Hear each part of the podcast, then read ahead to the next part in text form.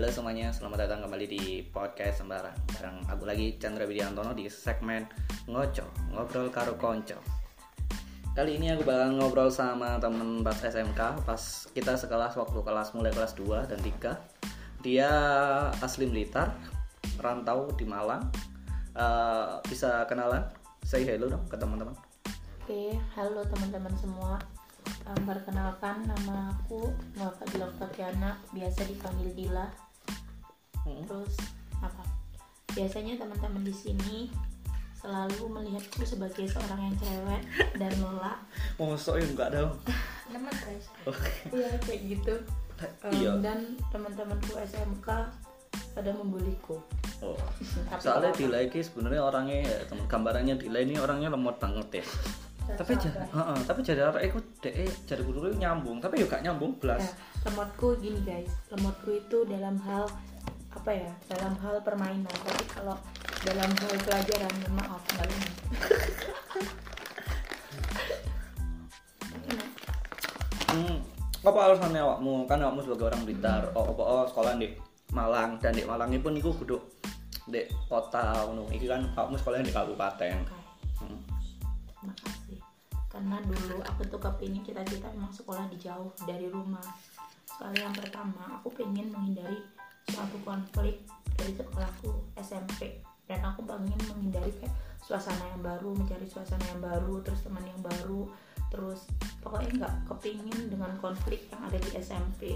Ya dulu ya mikirnya aku tuh menghindari sebuah konflik biar em, konflik itu berakhir gitu loh Mhm. kayak gitu terus akhirnya aku cari sekolah yang memang dia jauh dulu itu awalnya aku kepengen ke kota Blitar tapi berhubung ada beberapa kendala di keluarga jadinya aku disuruh SMK aku dulu SMK Kota Malang SMK Telkom tapi nggak keterima terus beberapa hal akhirnya adalah suatu akhirnya Gunung Legi lihat-lihat dulu SMK Mutu terus nggak tahu kenapa ya udah mungkin jodoh di SMK Mutu kayak gitu Tapi awal eh emang sebenarnya wis tahu SMK kamu tuh sebelumnya.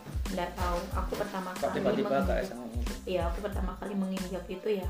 Aku ingat betul itu hari Jumat setelah sholat Jumat aku OTW dari rumah ke sini sama kakak sepupuku karena dia juga seumuran sama aku kan. Mhm. Jadi itu eh, menghendaki bahwa keluarga itu bilang kalau em, aku sama kakakku tuh harus sama? Sekolah itu harus sama. Jadinya em, bagaimanapun kamu itu harus satu sekolah biar pengakraban diri gitu loh. Karena aku dulu misahan sekolahku SMP. Eh, dulu pertama kali injak di Gunung Legi yaitu aku mencari sekolah SMK Mutu karena SMK Mutu dulu itu presentasi di sekolahku MTS dulu di SMP kan. Terus aku baru tahu ada namanya Gunung Legi dan ada namanya SMK Mutu Eh, awal sekolah kamu kan ya apa perasaan nih ke awal ndelok kondang lagi lah. Pertama dari Blitar terus ndelok Malang lah Pi- piye? Aku dulu ya jujur aja aku dulu tuh benci banget sama Malang Nggak tahu kenapa aku aku kan rumahku berbatasan nih sama Malang. Tapi aku dulu kayak benci banget aku nggak kepingin sekolah ataupun menginjak itu di Malang. Hmm. intinya di Malang aku nggak suka. Karena apa? Yang pertama bahasanya dan tata kelakuannya. Kalau tapi menurutku sisa tuh- iki Iya. SMK kuliah Iya, di Malang. Oke. soalnya Blitar nggak di kampus. Enggak bukan itu. Tapi memang memang ya em, pernyataan yang mengatakan kalau kamu itu jangan membenci sesuatu karena itu bisa merubah menjadi cinta nah itu Oh. ternyata yang aku rasain ternyata dari benci jadi cinta sampai kuliah pun di Malang menginjak di Munaliki aku tuh gini oh Munaliki kayak gini yo di- desa deh banyak tebu-tebu apalagi sekolah kita kan di tengah-tengah tebu nih Tebu-tebu. tengah-tengah tebu emang jujur Hmm. SMK Mutu itu di tengah-tengah tebuan jadi kayak ah sekolah sini tapi em, nilai plusnya dia itu meskipun di tengah-tengah tebu tapi gedungnya itu mewah. Daripada sekolah-sekolah Nah, lain ya, di daripada ya. sekolah-sekolah lain yang ada di Malang kayak gitu. Dia salah satu SMA di Malang yang punya gedung eh, berlantai 7 nah benar. dengan konsep modern. BTW maafin suaranya Dila ya guys. Karena dia lagi nge- dia lagi ya serak-serak bahasa gak apa-apa lah. Eh alasan dek eh dek mutu kemarin juga jurusan apa? Terus apa ono seneng nggak dek jurusan kayak ngono? Oke, pertama aku jurusan perbankan. Memang aku dulu di SMK ini kayak apa ya namanya? Bukan dari keinginan apa ya keinginan hati gitu loh. Aku sekolah dulu makanya aku tuh kepingin mendidik nanti. Kalau aku misal jadi ibu ya aku tuh kepingin Yo, yo, membebaskan iya mungkin- iya kan kita nggak ada yang tahu umur. Kalau misal aku ditakdirkan jadi ibu ya aku mau mendidik anak itu anda islami dengan- sekali ya? apa? Islami sekali. Iyalah sesuai dengan em, hati anaknya. Karena dulu aku tuh pernah merasakan bagaimana em, tekanan dari keluarga yang mengharuskan ini itu. Jadinya kita ya gimana ya pas SMK itu aku jurusan pun aku nggak tahu di SMK itu mau jurusan apa. Karena aku Hmm. pengen di SMK itu jurusan IPA dan aku pengen ke UGM psikolog. Nah terus akhirnya ke SMK Mutu aku sama kakakku itu aku diharuskan untuk satu jurusan kalau bisa satu kelas dan satu kos satu kamar. Nah jadinya ya udah em, orang tua dan keluarga menyuruh antara perbankan dan administrasi perkantoran akhirnya kita milih perbankan. Ya udahlah awal-awal sih aku kaget dengan pelajaran perbankan. Karena aku sendiri tuh nggak suka namanya akuntansi kan. Aku jujur ya aku akuntansi itu baru ngeh itu di um, kelas 3 satu dua itu aku nggak ngeh namanya akuntansi tapi berhubung karena aku Hmm, ini ini orang cari gak lola di pelajaran. Iya tapi kan tapi nggak aku tapi aku nggak men- melihatkan kan meskipun aku tahu diriku ini nggak cocok dengan akuntansi tapi Hmm. aku tuh orang tipe orang yang nggak mau kelemahanku dilihat sama orang lain. Iya termasuk Nah, kelolaan ini nah, kayak di sekarang di kampus. Iya, makanya itu aku selalu menutupi kelemahanku dengan berbagai cara gitu loh. Meskipun di diriku aku udah tahu kelemahanku tuh di akuntansi, tapi ya udah aku sampai pernah nangis di ujian di lab nangis karena aku nggak bisa ngerjain akuntansi. Oh, tapi setelah itu Iki nangis kudu sing karena surat itu. bukan ah, nggak usah lah diinget-inget yang itu, iya. please ini nggak ada ini nggak ada namanya ini nggak ada yang masalah itu di sini masalah pelajaran Iya, terus. ya pokoknya itulah intinya meskipun kalian terpaksa tapi jangan alasan terpaksa itu menjadikan kamu tuh malas untuk belajar. Wah nah itu Quote of the iya, day. quote of the day dari Dila. Jadinya jangan jangan biarkan ilmu itu kita nggak ada yang tahu gitu loh. Nggak ada namanya ilmu itu sia-sia. Pasti ilmu akan bermanfaat. Tuh. Tapi sekarang setelah lulus dari SMK, ada nggak ilmu yang bisa hasil dari SMK waktu itu apa? Nyata bagimu kerasa, oh aku kok seneng ya belajar di SMK ini, ilmuku bener-bener teramalkan itu ono kak? Pernah? Apa-apa? ada. Yang pertama itu masalah Excel sama Word. Wow, oke. aku tuh merasa kayak apa ya? Ya nggak? serasa ya Excel sama Word. Karena aku jujur ternyata di jurusanku yang perkuliahan ini meskipun dia itu tentang argumen pendapat kayak gitu ya pakai otak tapi dia itu ada namanya pelajaran yang ada Excelnya nah di statistika aku tuh merasa otak. Aku tuh ada. merasa merasa bahwa aku bersyukur gitu loh di kuliah apa di SMK aku karena aku dulu itu belajar Excel sampai rumus-rumus ya hafalan dari namanya penjumlahan sampai perkalian sampai poin-poin intinya kayak gitu kan nah itu memudahkan aku saat perkuliahan di statistika aku jadinya kayak wah ini gampang-gampang kayak gitu loh menguasai sama wordnya aku dulu eh, bersyukur aja sih Hmm, itu hal yang bisa Uh-uh. disyukuri dari bahasa nah. Cuma itu aja. banyak sih Hmm, cuma. ya banyak Hmm. ya itu salah satunya aku. Lalu itu kan hal yang paling disyukuri dan dari SMK ada nggak sih sing hal sing kamu sesalkan waktu SMK itu apa ngono? Terus sumpah awakmu kembali ke masa lalu SMK itu opo ngono sing ate kok benarno kok dirimu yang dengan dirimu yang saat ini seperti ini kok Eh, mungkin percintaan ya. Wah sangat tidak nyambung dari tadi ngomong pelajaran sekarang ngomong hati. Ya Oh, ya, ya. mungkin ini kalau pelajaran mungkin percintaan gak usah lah aku bahas ini Em, eh, mungkin gini. Yang aku sesalin itu aku dulu nggak melakukan yang terbaik. Aku mudah goyah di pelajaran. Dulu kan inget lah pelajaranku turun naik lah di semester 1 mungkin bisa semester 2 semester 3 nah, ada paling- cerita lucu dari Dila. paling yang iku ya. paling ku inget sekali sama aku pertama pertama kali atau mungkin seumur umur hidupku Hmm. selama aku kuliah. Aku dimalukan dengan wali kelasku sendiri di kelas dengan dikatain sekolah iyalah Hmm. dan katain kamu ini otaknya itu apa sih? Nol kayak kasarannya itu kamu itu otaknya nol gitu. Kan isine nggak ada ya. isinya lah intinya. Ah, kamu itu otaknya otak udang nggak wis lah kan no isine gitu ya. Kan no isine otak udang. Kosong. intinya tuh otak kosong. Hmm. yang pertama pertama itu. Dan itu yang ngomong wali kelasku sendiri gitu. Perasaanmu orang waktu itu gimana? Perasaan? Sakit lah. Pasti Ya. sakit dan kecewa banget.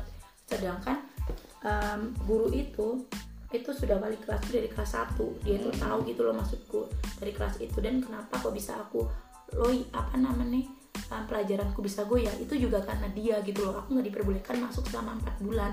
Karena mengat- mengikuti Olimpiade. kan olimpiade Ah, olimpiade dan Olimpiade. dia nggak melihat itu gitu. Meskipun aku kalah di situ kan tapi seenggaknya aku ada apresiasi gitu loh. Dan itu nggak ada apresiasi sama sekali. Dan dia selalu menjatuhkan aku dan apa ya kayak menilai buruk gitu loh mungkin ya hasil- guru sih motivasi Nah, cuman mungkin ya. kitanya jadi kayak Nah, gimana karena gitu. pada saat Ngomongnya itu dia- nilaiku lagi bobrok terus dia ngomong kayak gitu jadinya pada saat aku down didownkan lagi Hmm. nah gimana perasaan itu kan meskipun guru ngomong kayak gitu tapi kalau menurutku ya ada kata yang lebih baik dari kata otakmu itu kayak Kosong. gitu kosong Ah. gitu loh tapi awak milih nggak sih dila dila nang ngono ku? Ele enggak di kelas kamu ilang nggak aku ilang itu kok dilaiku lucu nih pas masa sekolah itu adalah dia itu pas guru buka rapot dia itu wis nangis. Oh, soalnya iya. saudaranya kakaknya itu eh, apa jelek kan. Terus dia itu kurang dibuka wis nangis kejar-kejar lho. Iya. karo nilainya piro. Dikiranya kan nilainya peringkat bawah. Padahal si api si 10 besar ya. Tapi dia wis nangis kurang dibuka. gak wani dibuka wis.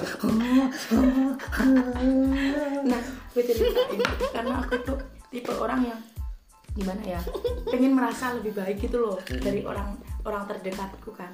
Dan aku tuh orangnya nggak suka direndahin nggak suka kelas kelas terlalu nggak salah UTS nah apalagi untuk masalah nilai aku memang kayak menjunjung tinggi masalah nilai gitu loh. Meskipun aku dengan mungkin ya banyak kegiatan tapi nilai itu poin utama yang paling penting. Aku nggak mau kayak gitu. Jadinya aku kayak kamu tau gak sih situasi yang aduh bikin orang dak dikduk terus eh ternyata kakakku nilainya anjlok kan? Ya pasti nilaiku kayak anjlok kan kepikir. Tapi gak dibuka. Tapi dia wis nangis hmm, hmm. ternyata aku peringkat tiga kalau nggak salah nggak di di Enam, Mak. tiga. Tiga. Oh, tiga. iya. terus dia mbak Nurul peringkat berapa gitu loh? 41 empat puluh satu kurang ajar iya kan dia pas UTS kelas 3 UT, eh, UTS setengah semester semester satu. Pokoknya dia 40 berapa ngono kok. Dia kaget terus pokok aku Hmm, pokoknya nangis. 40 terus sama hmm, hmm, ngono wis. eh ternyata sih? Ya, Asna peringkatnya elek. Anjlok, dia iki iya. mikirnya elek pisan terus ternyata enggak? Nggak salah anjlok ya? Anjlok Aku 40 juga kok. Intara UTS 39 ya? iya 40 terus dia Oh, wis iya. nangis nangis. Oh, iya. Asna Amplop 40 itu kan ya, amplop. amplop buka kok buka Oh, iya, wis amplop nangis itu deh iya, kewelas. Sampai kayak keliru ngono ya yang itu gara-gara Wicus pisan kan yo anjlok kan Ya, aku ya aja loh Orang. Padahal sih, habis aku 10 besar aku ingat. Mm-mm. enam lah nggak salah itu enam lek gak gak gak telu tapi aku nggak aja loh tapi om guru kok buka wis nangis kejar-kejar terus pas kok buka langsung hmm, senyum hmm, wah sadar kira aku bahwa udah gak dibuka. Eh, jadi gue momen paling oke ngakak lah oke lah. Ya om sing hal sing kok eling masa SMK di apa oh bener aku ya itu sing please paling jangan percintaan jangan percintaan ingatnya nangis bareng-bareng ya Oh. Aduh. gara-gara tidak lihat kesenian pak tatang coy oh iya Aku nggak tahu. aku ingat Aku nggak aku tahu. ingat Oh. itu paling itu itu itu hal yang nggak bisa di di video tuh ke nah sekolah nah itu itu gara-gara gini kan di SMK dulu kan ujian pakai komputer ya Hmm, CPD komputer. sudah. Nah, di situ ada punya user nah sendiri user user Oh, sendiri sing- sendiri sing- nah sing- dan kemarin sandinya itu urut dari absen Nah. sampai kelas lain itu urut misalnya ya nah kelas PB 1 sampai 5 selanjutnya APK 6 sampai 10 Nah. dan lanjut terus Nah, kayak gitu kan Kamu intinya punya kode lah masing-masing. Hmm. Nah, sepinter-pinternya kita, kita itu punya kita random ya udah kita random lah masuk-masukin karena apa? Kita itu udah selesai ujian. Lah, kita kan punya temen nih beda kelas. Kita coba nih usernya, usernya arek-arek itu kan gampang sih, gampang sih, gampang. Soalnya urutannya podo, dan itu juga urut. Jadi kan iseng kalian. Misalnya aku kenal sampai arek APK sebutannya namanya AZ gitu. Aku buka sih, tak urut. Oh, Kadang sih teko nomor misalnya AB, tak coba nih tak tambahin nomornya, jadi akhirnya sampai ketemu area dan akhirnya sampai aku mlebu beberapa akun user sampai error kabeh Nah. dan dan itu wes aku wes berwedek mati urip itu dia pindah sekolah ya, ya, terus akhirnya? Akhirnya? Setelah itu Oh, 20 gimana? seterusnya. Setelah itu, setelah itu beberapa um, Aku anu lab labku kan labku kan ada 20 anak. Nah itu rata-rata semua uh, buka user orang lain Iya, kan. iya. buka buka user orang lain. Setelah itu kan karena user kita buka user orang lain pasti ketahuan dong sama si Server, IT-nya ah. Sama bagian IT-nya nah kita itu pulang mau pulang kita didatangi sama sapam penunggu penunggu lab. Dan sapam itu sebenarnya iya sap yang menjaga lab. Sapam itu dia itu orangnya humble banget sama kita kan. Jadinya kayak dia marah sekali. Aku nggak pernah seumur umur lihat dia itu gitu ya. marah gitu loh. dan apalagi dia itu bahasnya masalah do karena aku mikir ya kita ini nggak nyontoh gitu loh nggak nyontek. Karena apa? Ujianku udah selesai dan aku bukan tipe kali yang nyontek kan. Jadinya aku mikir ya udah daripada kayak gitu kan aku main-main. Eh ternyata kemainanku itu kejahilanku itu berakibat fatal dengan user. Akhirnya aku di situ dimarah-marahin dan bilang bahwa aku bakal di DO ya kan siapa coba yang takut? Dan aku juga takut dong di DO akhirnya aku nangis kejar-kejar. Dan kamu tahu kan aku di SMK kalau nangis kejar-kejar kan nggak pernah Kayak nggak bisa kejar-kejar oke kesurupan kesurupan. Aku sampai digotong di depan Nah, aku iku pas ngerti pas hari lagi lapor soal sebenarnya iki iki lupa Iza sungguh sus aku ngomong wakak udah main wah hari hari bener-bener kena kafe rek. Oh nah dan anehnya yang biasa lah kita apa? Iya, kasih Mbak. nama ya kan nah, ada beberapa eh bukan beberapa sih seorang. Dia tuh emang terkenal sih. Di sekolah kita dia tuh juga buka user orang lain tapi ya dibiarin. Juga famous. Ya, ya mungkin Oh. karena dia juga udah tahu gitu loh kalau itu cuma sebuah apa ya sebuah omongan omongan yang biasa. Tapi kalau menurutku aku tuh bukan orang yang maksudku ya aku tuh kan iki koncoku ya Iya, aku tuh kepinginnya tuh kayak citraku selalu baik gitu loh tau gak sih? Hmm. citraku tuh selalu baik. Kalau sampai citraku buruk aku tuh kayak selalu merasa bersalah kayak ah ini tuh bukan Kayak aku gitu loh kayak entah apa? apa. Ya kayak gitu lah intinya. Aku pengen citraku tuh selalu dikenang dengan baik nggak pengen aku citraku tuh buruk. Meskipun aku merasa bersalah tapi tuh jangan sampai aku kena hukuman gitu loh. Enggak sih? Nah itu Iya. aku nggak kepingin citraku tuh buruk. Gitu. Terus pas iku empas kan iku siapa yang iku Ya, aku selama ya aku akhirnya ya pulang aku langsung nelpon kedua orang tua aku kan nelpon ibuku. Aku pindah sekolah. aku pindah sekolah aku mau pindah sekolah aku mau di DO gitu kan. Pokoknya bilang gitu lah intinya. Pokoknya aku nangis nangis nangis nangis nangis kayak orang lah. Terus aku mau pindah sekolah intinya terus pokok pindah sekolah pindah sekolah. Tapi besoknya lagi eh ternyata kabar itu itu cuman um, hembusan ke jurusan lain lah masuk ke jurusan lain tapi nggak pernah diproses sampai sekarang aku lulus tapi masalah remedi remedi remedi Enggak, enggak enggak, enggak, aman enggak, enggak, enggak remedi. Enggak remedi itu cuman kayak jangan diulangi lagi cuman omongan aja kayak kalian tuh remedi padahal itu enggak remedi gitu loh. Hmm. ya yo bayangin sak Sewa- sak kelas itu paling enggak 50% ya masuk ke ngetok kabeh bayangin Iya. gitu loh Kan nggak mungkin ujian susulan dan itu di lab gitu loh. Itu pasti kan ribet ribet. gitu ya kan siswanya masih banyak. ya iya pasti padahal kan Ren. Nah, takut takut deh dengan sistem di SMK ya tahu sendiri lah. SMK kita itu um, agak ketat lah ya untuk dibilang. Kalau untuk ketat nggak terlalu ketat tapi dibilang nggak ketat dia ketat. 50-50. gitu loh. Nah, 50-50 Ntar ngono perasaan wedi tapi ya, ya ya apa? takut lah. Perasaan takut. Mak, hal sing iling tekok dila iku apa? Di sekolah hal-hal. Ono gak? Terus kalian lumayan iling muasna oke you see you. Dan dia itu. Eh, hmm. Iku bang ceritakan di SMK sekarang lanjut ke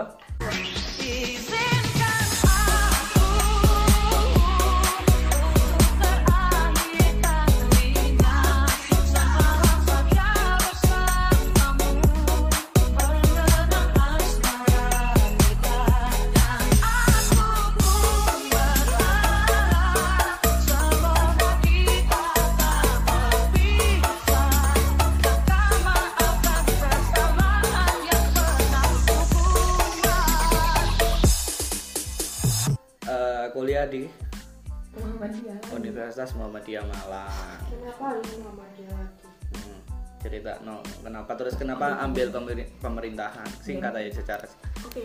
Kecemplung apa biye apa terpaksa orang tua atau gimana? Ya untuk kedua kalinya aku kuliah apa ya sekolah di sekolah swasta. Hmm, nggak sesuai Nggak sesuai pemikiran lah, dari sesuai awal. dengan Oke. cita-citaku gitu ya. Hmm, hmm. yang aku di SMK semester 3 semester 3 kelas 3 itu aku udah berjuang banget. Aku ambil IPA ambil IPA les. Sampai les rek? kan, belum les juta rek? setahun. Les setahun. Les Empat setahun juta ya? di GO di GO 4 juta ya? Diskon diskon kan? 50% di GO selama setahun ambil jurusan IPA yang berkeinginan aku pengen ke ahli gizi kalau nggak gitu ke psikolog kan dulu. Hmm. psikolog di universitas negeri yang ada di Baratan lah intinya. Pokoknya aku Gajah pengen Mada kuliah di Baratan. Ya Gajah Mada ITB IPB lah intinya kayak gitu. Intinya di Baratan. UI UI gitu. Empat gitu pokoknya aku nggak pengen di daerah timur karena aku merasa aku nih gak suka Malang nih. Masih tetap dengan argumenku aku nggak suka Malang gitu ya. Tapi anda nah argumenku tetap aku nggak suka Malang dengan kondisi yang seperti itu kan. Aku merasa gak cocok gitu di Malang. Terus nggak tahu kenapa mungkin takdir juga ya. Aku sudah ujian-ujian. Nah aku ujian yang ahli gizi itu semua keluarga aku orang tua aku sih terlebih kan karena nggak meng-ACC ya. Untuk aku ambil ahli gizi karena mereka itu beranggapan ahli gizi dan psikolog itu tidak ada prospek kerja. Karena keluarga aku tuh menganut bahwa sistem yang paling utama itu yang paling kayak pekerjaan yang bagus itu dia itu PNS ya intinya tuh rata-rata pegawai negeri orang tua kan. nah rata-rata orang tua kayak kan gitu. itu di hidupnya mereka PNS atau Nah, dulu. mungkin karena keluarga aku juga dari Jangan. PNS kan, jadinya kayak kepingin anaknya ya pengen sukses lah. Hmm, biar nanti pas tua nggak bingung Nah, kayak gitu nah, itu. Terjamin. Ya itu sih tapi aku tuh bukan apa ya bukan orang yang tipe suka diatur. Mm-mm. nah, aku tuh kepingin kebebasan gitu loh aku pingin kebebasan nah PNS ini menurutku tuh dia pekerjaannya diatur. Dan aku kan mau tidak mau ya seperti itu aturan. Ya mau tidak mau ya harus ikut aturan itu kan. Aku nggak mau. Aku pengen tuh pekerjaan dengan bebas dengan kehendak. Aku pengen ke sana ke sini tanpa aturan. Meskipun ada lah aturan yang mengikat tapi nggak negara gitu loh. Ya begitu. Akhirnya aku udah daftar kan dari SB dari SNM nggak keterima SBM nggak keterima. Nangis lah. Eh, nangis sih nangis lah pasti nangis lah. Itu bentuk aku depresi. Aku pokoknya aku stan kan juga nggak keterima kan? Hmm. stan itu aku nggak keterima bukannya aku nggak keterima aku Karena ujian, telat. tapi karena aku Salah tuh hari. salah lihat jadwal. Harusnya aku ujian di hari Rabu. aku ketok caranya ujian di hari Rabu tapi aku datangnya hari Sabtu. Hmm, kan. ya otomatis kan lemotmu sudah momen kan? Kan itu kayak bukannya apa kayak aku sebuah penyesalan kenapa sih aku seceroboh itu gitu loh. Seceroboh itu. Padahal aku tuh bisa intinya tuh bisa lah berjuang di stan nah itu aku dari stan itu. aku aku nggak mau lihat IG dan semacamnya selama satu minggu. Ingat kan kalian aku menonaktifkan HP ku selama satu minggu. Aku nggak pernah lihat IG nggak pernah ini. Aku cuma lihat drakor dan YouTube. Aku juga nggak mau ya kan? Beda. Iya, aku udah nggak mau dihubungi sama teman-teman ditanya apa pun aku nggak mau. Keluar kamar pun aku cuman makan sholat mandi udah wis aku nggak mau ketemu orang karena kalau ketemu orang diajak ngobrol aku selalu nangis. Sholat aja aku nangis gitu loh. Sholat aja aku selalu nangis. aku nggak bisa karena aku mengecewakan banget sama orang tua aku kan. Hmm, dan gagal masuk keluarga aku itu dan keluarga aku itu kayak merasa wah kamu goblok banget sih Dil? Gitu loh. Hmm. merasa yang di posisi itu dan yang nggak ada support system kan. Jadinya kayak apa ya pusing kan. Apalagi teman-temanku di SMK di jauh rumahku kan rumahku jauh dengan SMK otomatis kan aku nggak punya teman deket di situ. Terus em, teman-teman SMP udah jauh lah maksudnya dengan dengan dengan apa ya pergaulan pergaulanku karena aku udah di SMK kan. Maksudnya nggak ada teman-teman lah selain teman-teman SMK ya udahlah nggak ada support system. Aku cuman sistem supportku cuman satu aku motivasi diri sendiri. Motivasi diri sendiri yang kedua aku tuh lihat motivasi dari mungkin dari motivator asli motivator orang lah maksudnya itu kayak orang-orang itu menyemangati diri sendiri terus ya semangat intinya tuh ya paling penting itu semangat diri sendiri. Percuma kamu itu punya support system tapi kamu tuh nggak punya semangat Ma- diri sendiri gitu loh diri ya. semangat diri Nah, sendiri. dalam diri. Terus aku juga berterima kasih pada temanku SMP ya? adalah Abdelia seseorang Oh. seseorang. Temanku aku nggak mau nyebutin namanya takutku nanti apa ya em, ya dikira apa gitu loh tapi memang ini murni temanku. Tapi kan ini sebuah ucapan terima kasih ya masa nggak ya lah disebut? oke. Aku terima Kecuali kasih kepada lo- Wildan nama namanya Wildan dia itu temanku dari TK MI sampai SMP kita pisah SMK nah dia itu kakak nggak tahu kenapa aku kan sholat istikharah nih. Hmm. aku sudah pas malam itu aku tuh udah rundingan sama keluargaku bahwa aku mau gap year. Hmm. udah memang terus aku mau les lagi kan emang aku nututnya itu ke IPA ya udah aku mau gap year tahun ini. Terus aku sholat istikharah lah. Hmm. nggak tahu kenapa temanku yang laki-laki ini namanya Will dan dia ngechat aku nanyain kuliah di mana. Terus aku tanya lah aku jawab lah intinya aku mau gap year. Ini gini aku berikan alasan. Terus temanku tuh bilang gini Dil kamu ini loh nggak pantas. Kan aku mau kerja nih setahun. Soalnya aku punya skill di SMK sedangkan aku punya skill nih aku mau kerja dulu setahun. Aku udah diterima di administrasi adalah namanya administrasi ada sebuah perusahaan. Hmm. aku karena dari link Administrasi keluarga di kan dari keluarga. Pertamini di keluarga adalah di sebuah perusahaan karena punya link. Hmm. terus aku bilang aku mau kerja dulu sekaligus aku mau les buat gap year tahun depan. Terus temanku bilang gini Dil kamu tuh nggak pantas kerja. Otakmu ini masih bisa digunakan buat kuliah. Tanganmu itu nggak pantas buat nulis nulis nulis nulis kerjaan. Iya, iya. terus dia bilang gini udah Dil kamu daftar di Politek. UIN atau Politek gitu loh. Hmm. lupa aku. Di UIN kalau nggak salah. Soalnya dia juga kuliah di UIN aku ingat betul ya. Ini malam besoknya itu em, daftar terakhir TF terakhir. Dia bilang gini wes Dil kamu sekarang em, daftar online besok TF pokoknya gitulah intinya. Pokoknya dia itu bilang kayak gitu terus aku bilang gini dong ya kayak intinya tuh aku kayak pesimis gitu loh karena aku sudah daftar sana sini nggak keterima. Apalagi di UIN kan males juga kan UIN agama gitu.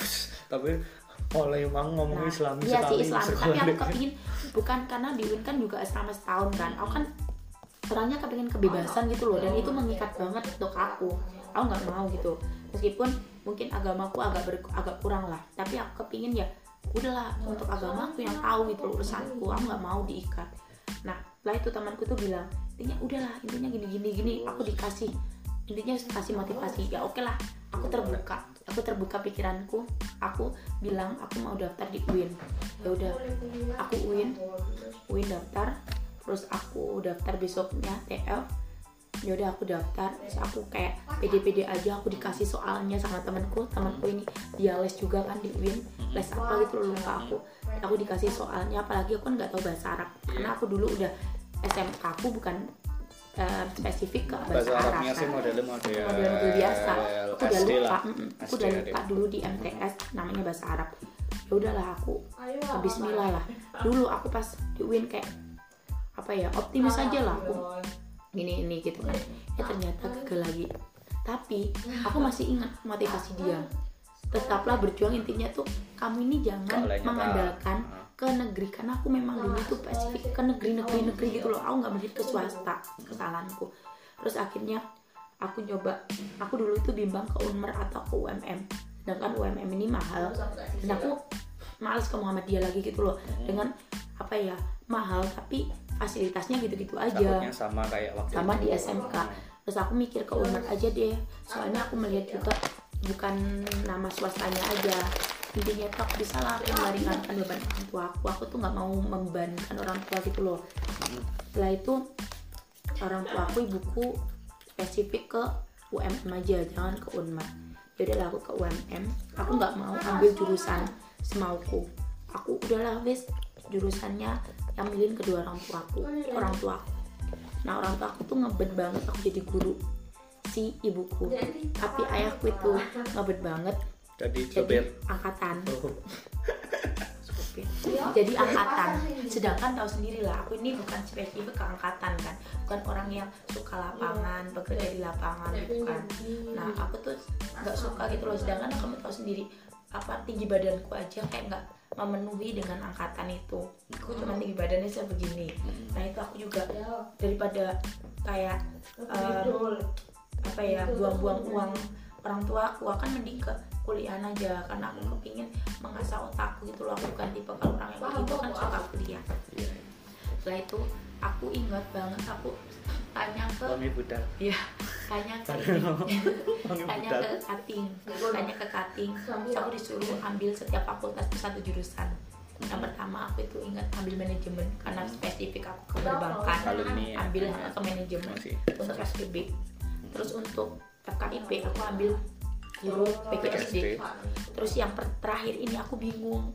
Ibuku nggak mau ambil soalnya itu yang terakhir aku suruh ngambil sendiri sesuai dengan bakatku minat bakatku gitu kan. terus akhirnya aku min- ngambil fisip di ilmu pemerintah. Kenapa nggak ambil kesehatan? ilmu pemerintah. Karena aku memang udah kayak ah nggak usah deh IPA kayaknya aku memang spesifikku ke IPS deh. IPA ini aku kayak udah diberi peringatan bahwa kamu ini nggak lulus IPA kenapa kamu ngambil tetap Eh, iyalah IPA ya. gitu loh? Ya udahlah aku kayak aku ngambil di IPS semuanya.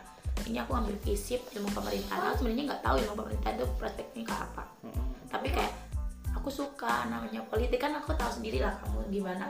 Aku dulu ngomongin politik gini-gini kan meskipun aku abal-abal lah namanya politik. Seenggaknya aku tahu lah. Suka gitu loh berargumen dan aku suka ngomong kan. Aku tahu sendiri. Nah ya aku kayak ya udahlah aku nyoba aja ilmu pemerintahan kan. Eh tahu-tahu diterima di ilmu pemerintahan. Ya udah. Aku awalnya nyesel sih. Iya, apa kok nyesel mau pemerintahan? Pasti kan biasanya rata-rata anakku merasa di awal-awal itu merasa salah jurusan. Kadang mereka udah nyaman di semester 3, semester 4 itu mereka udah nyaman. Oh, aku benar-benar nyaman di jurusan ini. Alasan pertama apa kok nyesel di ilmu pemerintahan? Apa karena melihat teman-teman yang lain di jurusan ini? Apa ya? yang pertama yang punya selin bukan karena apa-apa yang punya selin itu yang pertama em, orang bukan orang tua sih keluarga keluarga itu sebenarnya kan sebagai support system nih. Tapi dia tuh kayak ngeremehin gitu loh jurusan ilmu pemerintahan. Prospek kerjanya apa gininya apa aku kalau ditanya prospek kerja aku ilmu pemerintahan apa. Aku tuh bingung nggak Anda tidak jawab. tahu para Nggak camat itu rata-rata lulusan ilmu pemerintahan. Nah, aku tahu gitu loh tapi masalahnya ya keluarga aku tuh bukan tipe kalau orang yang dari pemerintah semuanya nggak ada background dari pemerintah. Mereka rata-rata nah, sama nggak sih mbak ilmu politik? em, beda. Hmm. ada sisi samanya tapi beda Ah. gitu loh. Kayak sebenarnya itu hampir sama ilmu politik ilmu pemerintahan terus ilmu administrasi negara itu hampir sama. Mhm. tapi memang ada beberapa hal yang membedakan kayak gitu nah itu ya sih yang punya selin itu. ternyata keluarga itu kayak nggak mensupport benar-benar support untuk namanya ilmu pemerintahan. Terus tapi aku juga ya mau gimana Kan ini pun aku aku bukan bukan tipe kalau orang yang kayak apa ya maksudnya kalau aku udah berbuat ini ya kamu sampai akhir ya harus sampai tanggung jawab karena aku nggak mau setengah-setengah gitu loh. Ya kan aku nggak mau dong pindah gitu kan. Sebenarnya aku disuruh em, tahun ini sih aku sebenarnya disuruh ke angkatan lagi. Hmm. aku Betul, sampai nangis kan. Hmm. aku sampai nangis Em, maksudku tuh gini loh aku ini aku ini aku ini butuh cuman butuh support kalian aja di ilmu pemerintahan. Aku nggak butuh apa pun gitu loh. Makanya aku sampai bingung. Sampai Iya, bingung. Em, sampai bingung mau ngapain gitu di ilmu pemerintahan. Sedangkan aku sendiri nggak tahu prospek kerja aku akan butuh apa gitu. Maksudnya semangat lah. Tapi nggak lah. Orang yang remehin aku kan ya nanti lah aku buktiin kalau bahwasannya aku tuh bisa kok meskipun nanti kerjaku nggak di dunia pemerintah barangkali ya entah itu ilmuku nanti bermanfaat aku yakin ilmu ini bermanfaat meskipun nanti aku bekerjanya nggak di dunia pemerintahan tapi aku bersyukur aja di dunia ilmu pemerintahan ini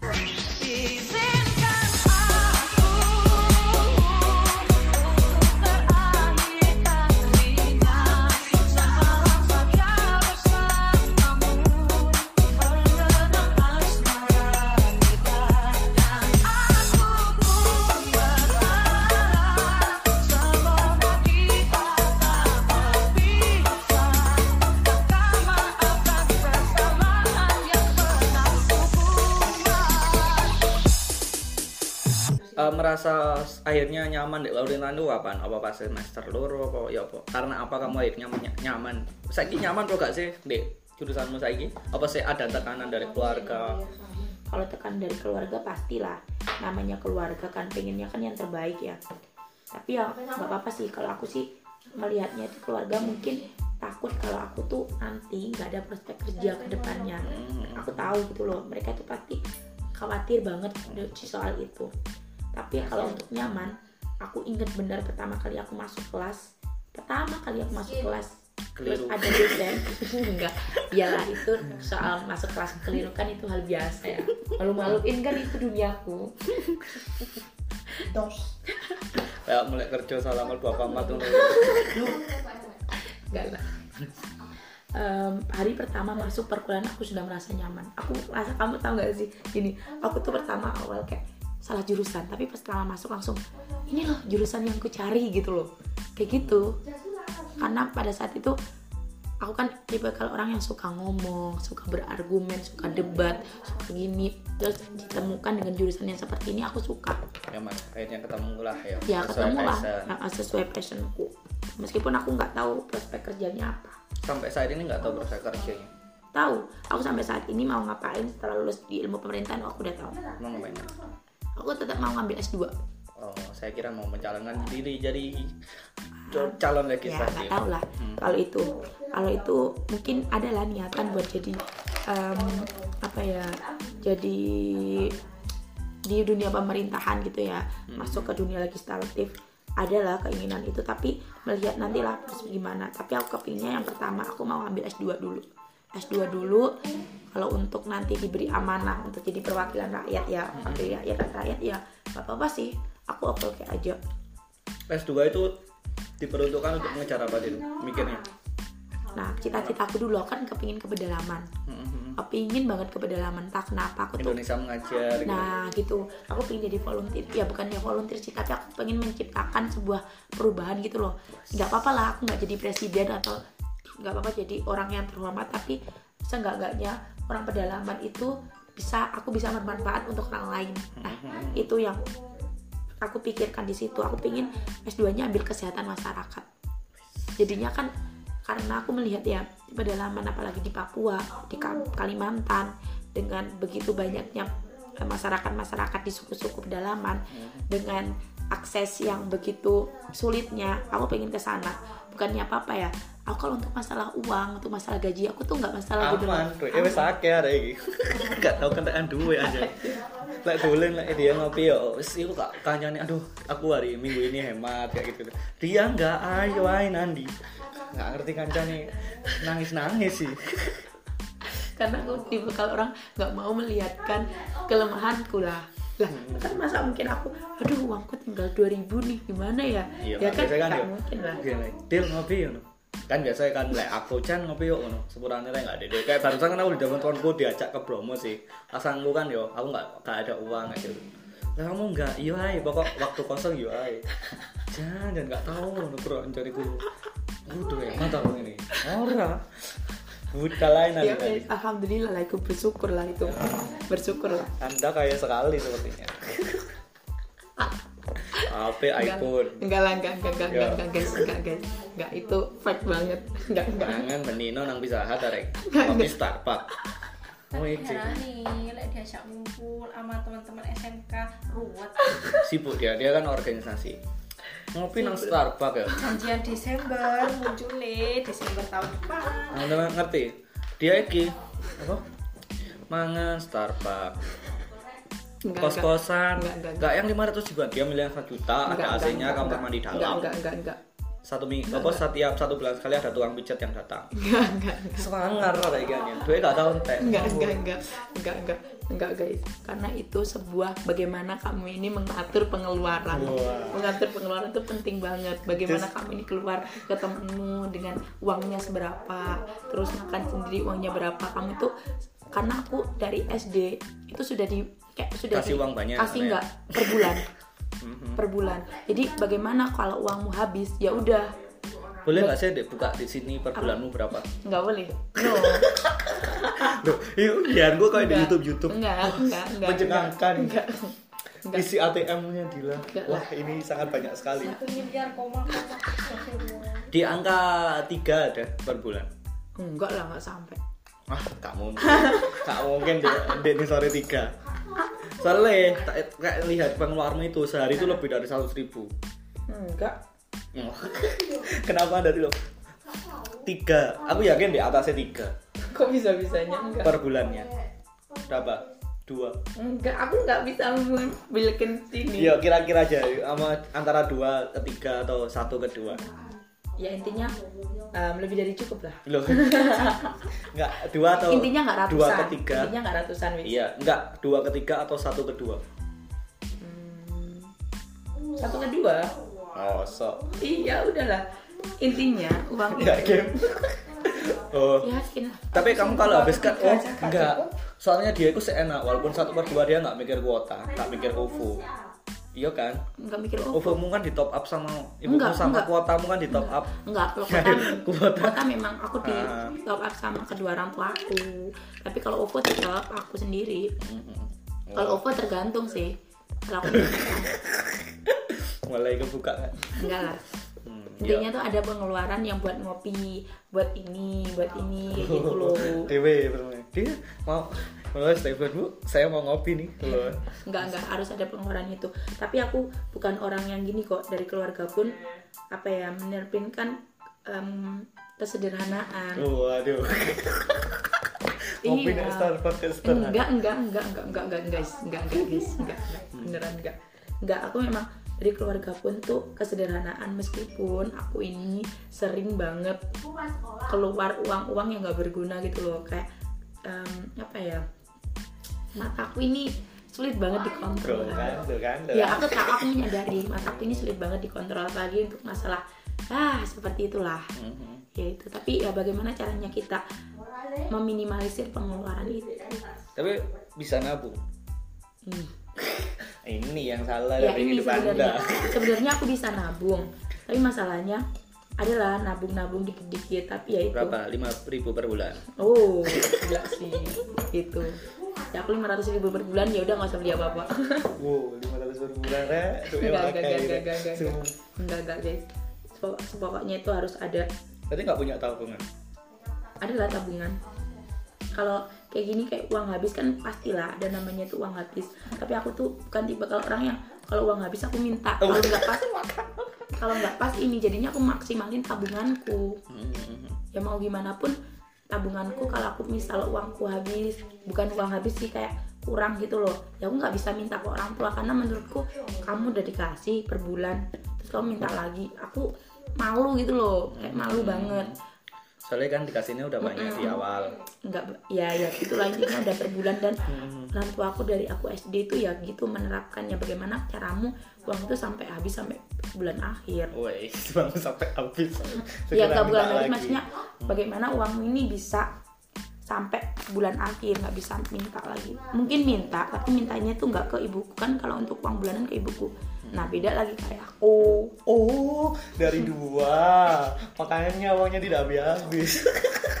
oh jadi oh tak kirain bareng gitu orang. Enggak. Jadi dari ayah sama ibu. Oh kalau Tidak. ayahku biasanya anu ya, lek uang habis gitu baru minta. enggak Oh. enggak kalau misalnya aku pulang kampung beda itu pasti ibuku nggak ngasih tapi yang ngasih itu ayahku Tiba-tiba diam diam apa di depan ibumu atau gimana? biasanya di di anu di Belakang. belakang. soalnya biasanya kan tahu sendiri ya ibu itu prospek banget itu loh kayak uang lah aku tuh gini ini ini nih gitu Iya. kan Sayang nang nangis saya nggak tahu pasti. Biasanya ngono emang. iyalah memang Saya temanku rata-rata ya gitu. Biasanya ibunya itu ke uang itu kayak menghemat lah. nah Maksudnya menghemat ngerti. karena buat pengeluaran pengeluaran keluarga kan Hmm, tapi biasanya ayahnya di Bandung ngasih berapa? ngono ya. Hmm, kalau nggak tapi gitu kalau untuk masalah kan aku angkutan kan kalau ini Pulang. jadinya uang angkutan itu diganti jadinya aku nggak ada pengeluaran untuk angkutan makanya oleh nanti, nanti ngegrab santai aja. Kan uang angkutan. Loh, maksudnya uang angkutan buat ini kalau nge-grab Oh, kan pulang, uang sendiri. Blitar. Aku lo uang nge-grab lo pakai uang bulananku, Yo yo lah dia masa sih kata dikai khusus uang grab. tapi aku juga ya udahlah. Lu ono. Enggak, enggak, enggak, enggak. Enggak lah. Kan yo kan di kuliah di UMM, UMM kan terkenal hedon lah. Iya. Yo masih deh, yo walaupun deh awase gak sefamiliar Brawijaya hedonnya. Gue kan mengimbangi teman-teman kan kamu sih iso lah ngimbangin cara kayak teman-teman yang dari pertama dari Jabodetabek dengan mereka yang aslinya orang yang lebih lah ngono ya. Hmm. Kamu bisa ngimbangi ya berarti. Gimana ya? Kalau aku tuh orangnya gini, kamu tuh harus punya prinsip hidup sendiri dulu. Prinsip dulu, kamu udah mantengin prinsip niatmu, kamu pasti nggak bakal goyah. Itu dulu. Karena apa? Banyak kok di sekelilingku ya, misal nih, dia jalan ke sana ke sini nge-mall ke sana ke sini gitu ya dan aku bukan tipe orang seperti itu kan kalian tahu sendiri aku tuh lebih suka orangnya tuh ke- di kamar HP-an terus baca Wattpad kan selalu kayak gitu kan eh, tahu sendiri kan cus ya kan cus daripada aku ke sana ke sini. Mungkin ya ada beberapa kali yang aku suka yang kayak gitu. Maksudnya ke mall lah berapa gitu kan. Maksudnya nggak setiap hari lah. Kenapa karena aku bukan orang yang suka gitu loh. Karena aku suka juga suka sih sebenarnya shopping. Itu memang suka banget. Memang wanita. wanita lah. Tapi Sifat untuk meminimalisir pengeluaran aku mending orangnya kan mageran. Orangnya mageran. Untuk mengimbangi kehedonan itu ya. Karena aku punya prinsip menurutku kehedonan itu gak ada manfaatnya. Nah aku aja loh ngopi dulu awal-awal. ngopi. Aku inget bener aku tuh gini aku nggak takut aku punya prinsip lagi. Aku bukan orang menang aku kan nggak bisa memaksa semua orang tuh suka ke aku. Aku tuh nggak bisa memaksa semua orang tuh suka ke aku. Dan aku juga nggak bisa melarang mereka tuh membenci aku. Jadinya prinsipku ya ya sesukaku yang aku bisa bermanfaat dan nggak merugikan orang lain ya udah. Jadinya kalau untuk kehidupan itu kalau menurutku itu tergantung prinsip sendiri sih. Kalau kamu merasa kalau aku sih nggak kehidupan tapi karena aku juga aktif di organisasi. Karena aku bercukupan jadi aku gini-gini ya Enggak, bisa enggak, enggak. aman lah. Kalau aku kan ke organisasi nih fokusku ke organisasi. Jadi kehedonan itu kayak hilang gitu loh ke organisasi gitu doang. Fokus jadi Fokusku udah. Pengennya nggak bisa Nah, main-main nah, ya jadinya nggak bisa main-main. Hidupku cuman kuliah organisasi kuliah rapat kuliah organisasi kayak gitu selama beberapa semester ini? Dari semester 2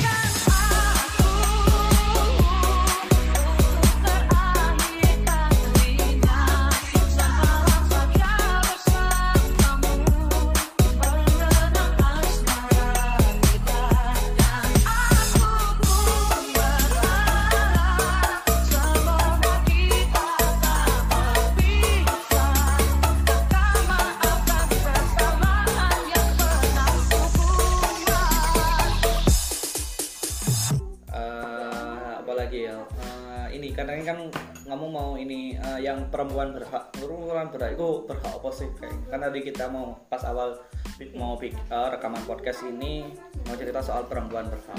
Itu gimana sih? Perempuan berhak itu? Berhak. Em, Iya. kalau untuk ngomongin perempuan ya em, banyak sih sebenarnya kalau untuk perempuan itu.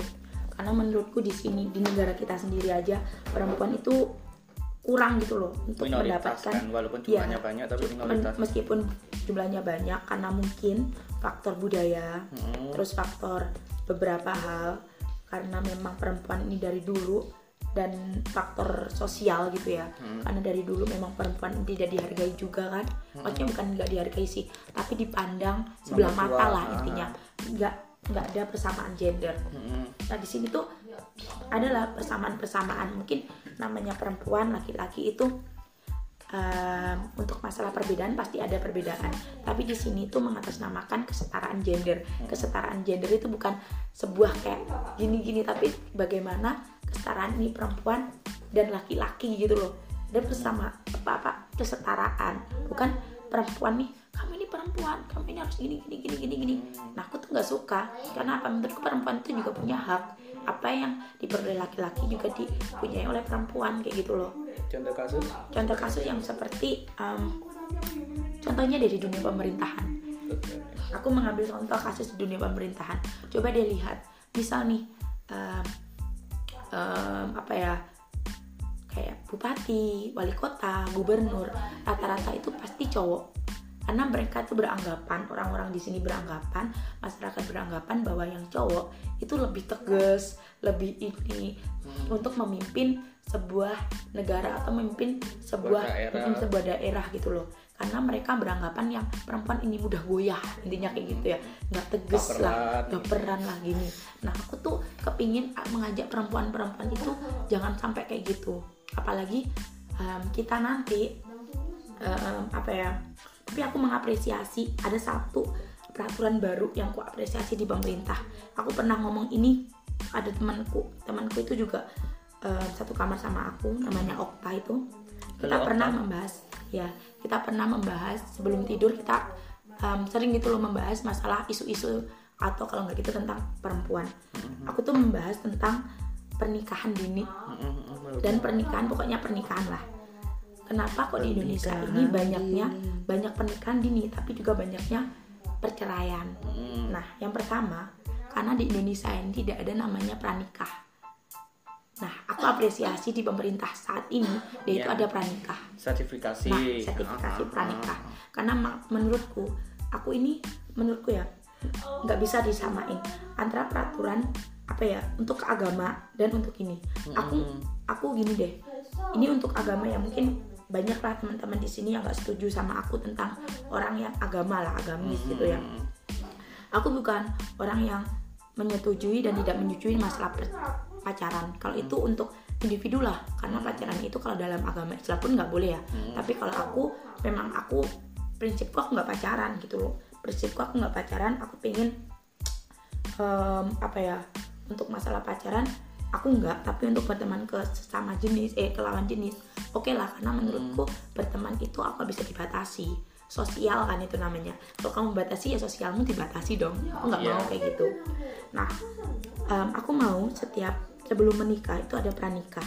Karena di pranikah itu kamu bakal diajarin pernikahan itu bukan hanya kamu ini enak-enaknya aja bagaimana menyelesaikan sebuah konflik, Konflik, bagaimana menyatukan dua keluarga yang berbeda sosial, budaya, bagaimana kamu ini saling menghargai lawan jenis, saling menghargai pasangan, itu akan dipelajari di pranikah. Dan apabila kamu nggak cocok di pranikah, kamu kan bisa membatalkan sebelum kamu nikah.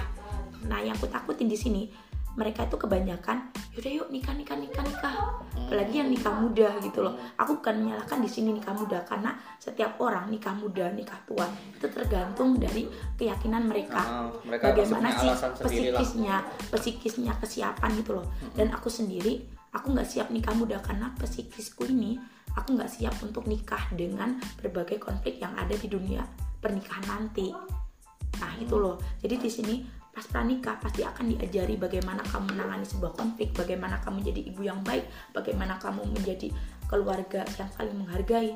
Nah itu akan mempertahankan pernikahan itu. Jadinya aku setuju banget kalau ada namanya pranikah, terutama untuk wanita, karena wanita di sini pasti bakal dirugikan di sebuah perceraian. oke Karena di pranikah nanti di nikah itu pasti yang pertama dirugikan itu pasti wanita, bukan laki-laki. Makanya itu kalau ada pranikah itu pasti banyak apa namanya menguntungkan banget untuk buat perempu- untuk perempuan kayak gitu. Eh, tapi kan semua ada pernikahan nanti kan ada sertifikasi. Semua mah nanti gak lulus kan malah nggak jadi nikah itu gimana? Kan cintanya jadi terhalang sertifikasi. Nanti akan ada cerita seperti itu. Menurutmu gimana? Kan masih oh di sertifikasi oh kok gak lulus? Kayak gitu. Karena em, gimana ya? Kamu ini menikah mungkin lah untuk agama. Pokoknya kita KUA ada saksi beres gitu ya. Kalau aku untuk meminimalisir kayak gitu kami kalian tahu sendiri lah di agama pun perceraian itu sangat dibenci oleh Allah gitu kan. Nah itu loh yang bakal jadi uh, banyak lah ustadz-ustadz sekarang itu yang cerai karena apa? Mereka ini mengatasnamakan pernikahan muda untuk menghalalkan segala cara gitu loh. Nah yang aku tanyain kalian nikah karena nafsu atau nikah karena cinta? Itu yang aku tanyain di sini. Karena beberapa hal yang aku temui lingkungan yang aku temui nikah itu untuk menghalalkan kamu ini pacaran sama pacaran lah lawan jenis. Nah keluarga ini daripada kalian ini kebablasan mending dinikahin. Nah itu loh kalau menurut itu karena nafsu bukan karena cinta. Karena kalau karena nafsu itu pasti ya setelah nafsu ini ya udah kalau kamu si laki-laki apalagi dia nggak ada masanya uh, menopause. Nggak ada masanya dia ini um, intinya lah nafsu itu bakal pasti bakal meskipun tua gitu ya Hmm, bakal masih tetap ada. gitu loh masih ada. Nah itu yang bakal dirugiin di wanita di perempuan. Jadi kalau menurutku pasti sebuah um, apa ya, kebijakan itu pasti ada namanya negatif dan positif. Kalau menurutku kalau pasti melihat negatif banyak lah tapi kalau lihatlah positif sekali-kali tuh lihat itu positif yang paling banyak jangan negatifnya. Soalnya apa?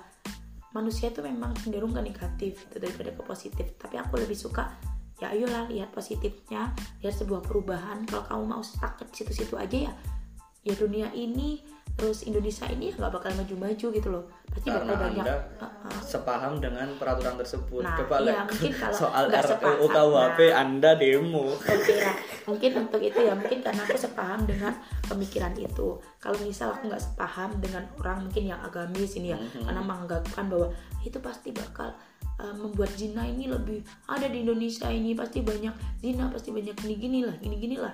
Nah Tapi kan di server sebenarnya enggak eh yo bagus sih cuman apa ya? Tadi mau ngomong apa lagi? Lupa lah saya, saya bentar. Kayak di sertifikasi memang sebenarnya kalau dari agama kan sing ngusulkan ini kan juga seorang ulama kan dari wakil presiden bukan sebenarnya mengusulkan untuk ada sertifikasi agar tidak hal terjadi yang yang tidak diinginkan atau angka perceraiannya bisa turun kayak gitu gitu tuh. Tapi kan banyak orang yang kontra itu mengatakan ap- eh, jikalau disertifikasi apakah bisa mengurangi? Kan belum tentu juga. Kan kita nggak tahu hal yang terjadi ke depan. Kayak gitu. Lalu gimana? Karena kalau kayak gitu tuh orang yang kontra itu pasti akan membuat sebuah alasan-alasan yang Nah, kayak biar mm, kebijakan-kebijakan yang buat ya alasan-alasan banyak lah alasan. Seperti halnya aku yang nggak setuju banyak undang-undang itulah ya yang aktivis yang inilah ya yang gini lah karena aku kontra karena aku tidak pro dengan masalah itu. Jadinya aku banyak alasan-alasan yang tidak mendukung. Nah kalau menurutku itu kan sebuah kebijakan ini kan belum terlaksana nih yang kemarin. Belum terlaksana. Kenapa kita em, nggak lihat dulu deh dari kebijakan itu? Nggak lihat dulu dari kebijakan itu.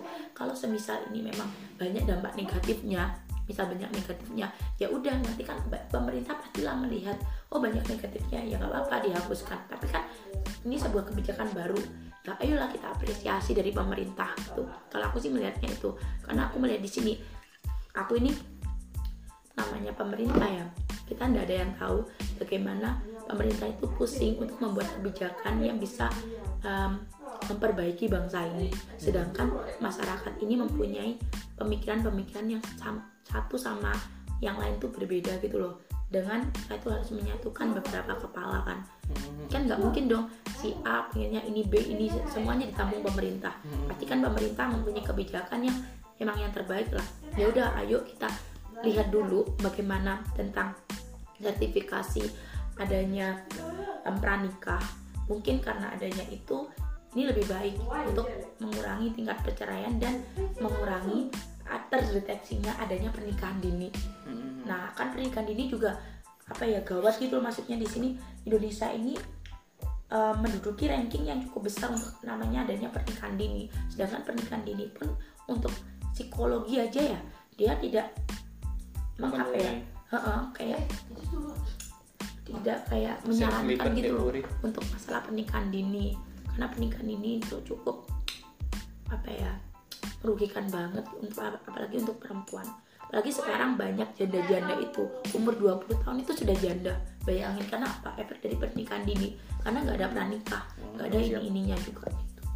tapi seumpama ya kan di pranikah sama kan kita nggak tahu. Walaupun ada pranikah kan nanti juga bisa ada kejadian kecelakaan. Karena hamil duluan. Nah itu nanti kalau sama nu- disertifikasi sertifikasi dulu terus nggak lulus itu gimana? Jangka sertifikasi berapa sih? 6 bulan ah ya untuk sertifikasinya. Jadi nanti setiap hari apa untuk eh, entah ke AU atau ke mana kan ya. Tuh, gimana? Ya gini. Jadi kan jangka waktunya cukup lama kayak gitu. kan nggak nikah nikah tuh Nah, makanya itu. Kan aku pertanyaan di sini itu karena cinta atau karena nafsu gitu loh. Nah, yang aku tanya di sini karena apa? Manusia itu kan memang nafsu itu tidak bisa dilawan ya. Tapi bagaimana itu dicegah gitu loh, meminimalisir adanya nafsu itu. Nah, makanya itu pihak keluarga eh, pembelajaran dari agama itu memang sangat penting untuk keluarga gitu. Apalagi aku di sini juga bersyukur juga meskipun aku dibebasin hidup aku ngekos dari SMK sampai sekarang itu ya alhamdulillah lah aku tidak terjerat dengan pergaulan bebas gitu kan ya meskipun banyak teman-temanku yang kayak gitu. Tapi alhamdulillahnya di sini aku bisa apa ya em, dari didikan keluarga juga kayak gitu. Jadinya kalau aku sih tetap itu namanya cinta atau nafsu. Kalau memang nafsu berarti ya memang meskipun ada enggaknya pranikah tetap kok kalau hamil di luar nikah itu. Ada pasti. Meskipun ada solusinya tidaknya. gitu. Solusinya ya. Solusinya ya dari diri sendiri gitu loh. Karena aku nggak bisa menyalahin keluarga nggak bisa menyalahin kebijakan. Karena itu dari diri sendiri kalau menurutku. Sebaik-baiknya keluarga seburuk-buruknya keluarga pun itu nggak nggak mungkin bisa um, membuat anaknya atau bagian keluarganya itu untuk um, hamil duluan lah atau untuk menyuruh hamil duluan. Itu pasti nggak mungkin gitu loh. Nah itu dari diri sendiri. Meskipun sebaik-baiknya keluarga Adalah anaknya yang hamil duluan Karena apa? Dari sendiri-sendiri Dari diri individunya masing-masing Kalau kamu sudah kita ingin- bil- eh, kita sebagai orang lain kan nggak bisa kontrol Nah. Aku juga nggak bisa menyalahkan orang yang hamil duluan Menyalahkan keluarga Itu itu kayak pemikiran yang goblok kalau menurutku Karena apa? Iyalah Menyalahkan close minded Iya, harus main karena ayolah terbuka gitu loh. Mhm. Kamu itu misal ya kalau kamu disalahin ke keluarga, keluarga aja lo nggak tahu dengan misal nih aku ya aku pulang malam terus mereka nyalain keluargaku sedangkan keluargaku ini di Blitar di rumahnya di rumahku nggak ada yang tahu aku pulang malam. Itu kan kesalahan diri sendiri diriku sendiri. Kenapa ini kamu kok nggak bisa uh, mengatur waktumu? Kok kenapa kamu bisa pulang malam? Ada kegiatan ada apa? Itu kan karena pengaturan diri sendiri bukan dari aturan keluarga gitu Dengan nafsunya diri sendiri nah, mm. Eh, jadi hal yang di perempuan berarti kamu sing masalah nikah nikah ini ya nikah banyak sih terus banyak pelecehan seksual yang em, perempuan-perempuan ini selalu dikategorikan bahwasanya perempuan yang salah Mhm. karena ya karena aku sebagai perempuan ya Mhm. karena aku sebagai perempuan dan aku di sini pun kalau untuk pelecehan-pelecehan memang meskipun ya dia itu berpakaian seksi berpakaian ini tapi kalau pihak laki-lakinya nggak melecehkan nggak pelecehan di sini aku bukannya menyentuh atau apa ya? Mhm. ngomong aja lo termasuk pelecehan. Mhm. nyut nyuitin itu termasuk pelecehan. Nah itu juga termasuk pelecehan. Terus ngechat dengan sembrono itu juga termasuk pelecehan. Itu menurutku kenapa perempuan itu sesama manusia lah. Ayo saling menghargai. Coba deh kalau laki-laki kenapa laki-laki di sini nggak pernah dilecehin kenapa perempuan nggak nggak pernah memikirkan kayak gitu. Pernah lah mikir tapi kita nggak Eh. pernah se ambruk gitu loh. Coba tapi deh. yo mungkin referensiku nggak sejauh anu ya. Cuma banyak kok sebenarnya laki-laki yang dilecehkan sama perempuan. Tapi kan biasanya nggak ter apa ya berita ini nggak nggak terekspos dan nggak begitu cepat naik Sih? Ya cukup setuju sih. Menurutku setiap pelecehan seksual itu yang salah adalah laki-laki. Walaupun perempuannya pakai baju seksi dan pakai manung tapi kalau si laki-laki ini terdidik atau eh, titiknya ini udah terdidik ya dia walaupun melihat eh, perempuan bugil di depannya pun gak mungkin dia lecehkan. Karena dia udah tahu lah. Bener bener banget kalau menurutku kayak gitu. Tapi kita sebagai perempuan pun juga harus menjaga attitude itu juga. Bukannya malah bukannya malah. Bukannya malah. Bukannya malah. Ya terus? Bukannya bukannya malah. Bukannya malah. Karena kita kayak dibangga-banggakan gitu ya. Di merasa dihormati oleh laki-laki merasa dihormati oleh laki-laki. Kita senang-menangnya gitu loh sebagai perempuan. Itu juga nggak boleh kalau menurutku. Jadi di sini yang aku tekanin ya ada ya salahnya perempuan ada juga salahnya laki-laki tapi bagaimana cara kita itu menghargai. Pokoknya ya kunci utama di sini yaitu saling menghargai. Itu aja sih. Saling, saling menghargai. mengerti lah saling memahami Nah. sebelum kita berkesimpulan. Nah sesama manusia soalnya. Oke, gue adalah cerita dari Dila soal perempuan berhak. Eh, apa sih hal yang sekarang? Kan wis kuliah terus hal yang kamu kejar di depan ini apa? Em, yang aku kejar sekarang ya? Hmm, eh kan podcastan bilang jam sak jam. Eh, hal yang eh, yang aku fokuskan sekarang ini mungkin aku fokus ke masa depanku dulu. Bukan masa depanku apa apa aku fokus ke pendidikan dan organisasi. Oh, iya. Iya, ke pendidikan apa sih pertanyaanmu? Eh, hal yang kamu kejar di depan Oh, masa oke. depanku bentuknya apa? Yo, KB fokusnya ke masa depan dia nggak mungkin Iya, iya. kita semua fokus di masa lalu. Masa kita harus kerja ini fokus masa lalu. Anda nih sekali hidup anda. sorry sorry aku nggak fokus. Oke yang aku fokusin untuk sekarang ini ya untuk em, beberapa bulan ini aku fokus ke pendidikan memang. Aku fokus ke pendidikan. Karena apa karena em, mungkin ya kemarin-kemarin aku pernah mikir bahwa aku mau nikah muda. Karena mungkin pikiranku masih buntu gitu karena aku melihatnya aku pengen nikah muda dengan enak-enaknya. Belum berpikiran yang terbuka lah intinya pikiranku. Aku untuk sekarang ini aku fokus ke pendidikan dulu. Aku pengen nyelesain pendidikanku.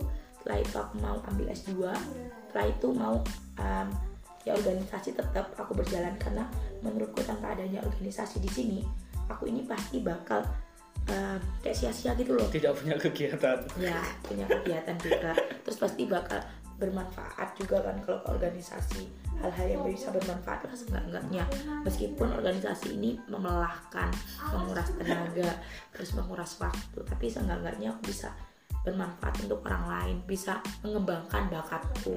Mengembangkan diri sendiri. Uh, itu sih fokusku ke pendidikan untuk ini. Banyak ke pendidikan em, keluarga itu juga. Izinkan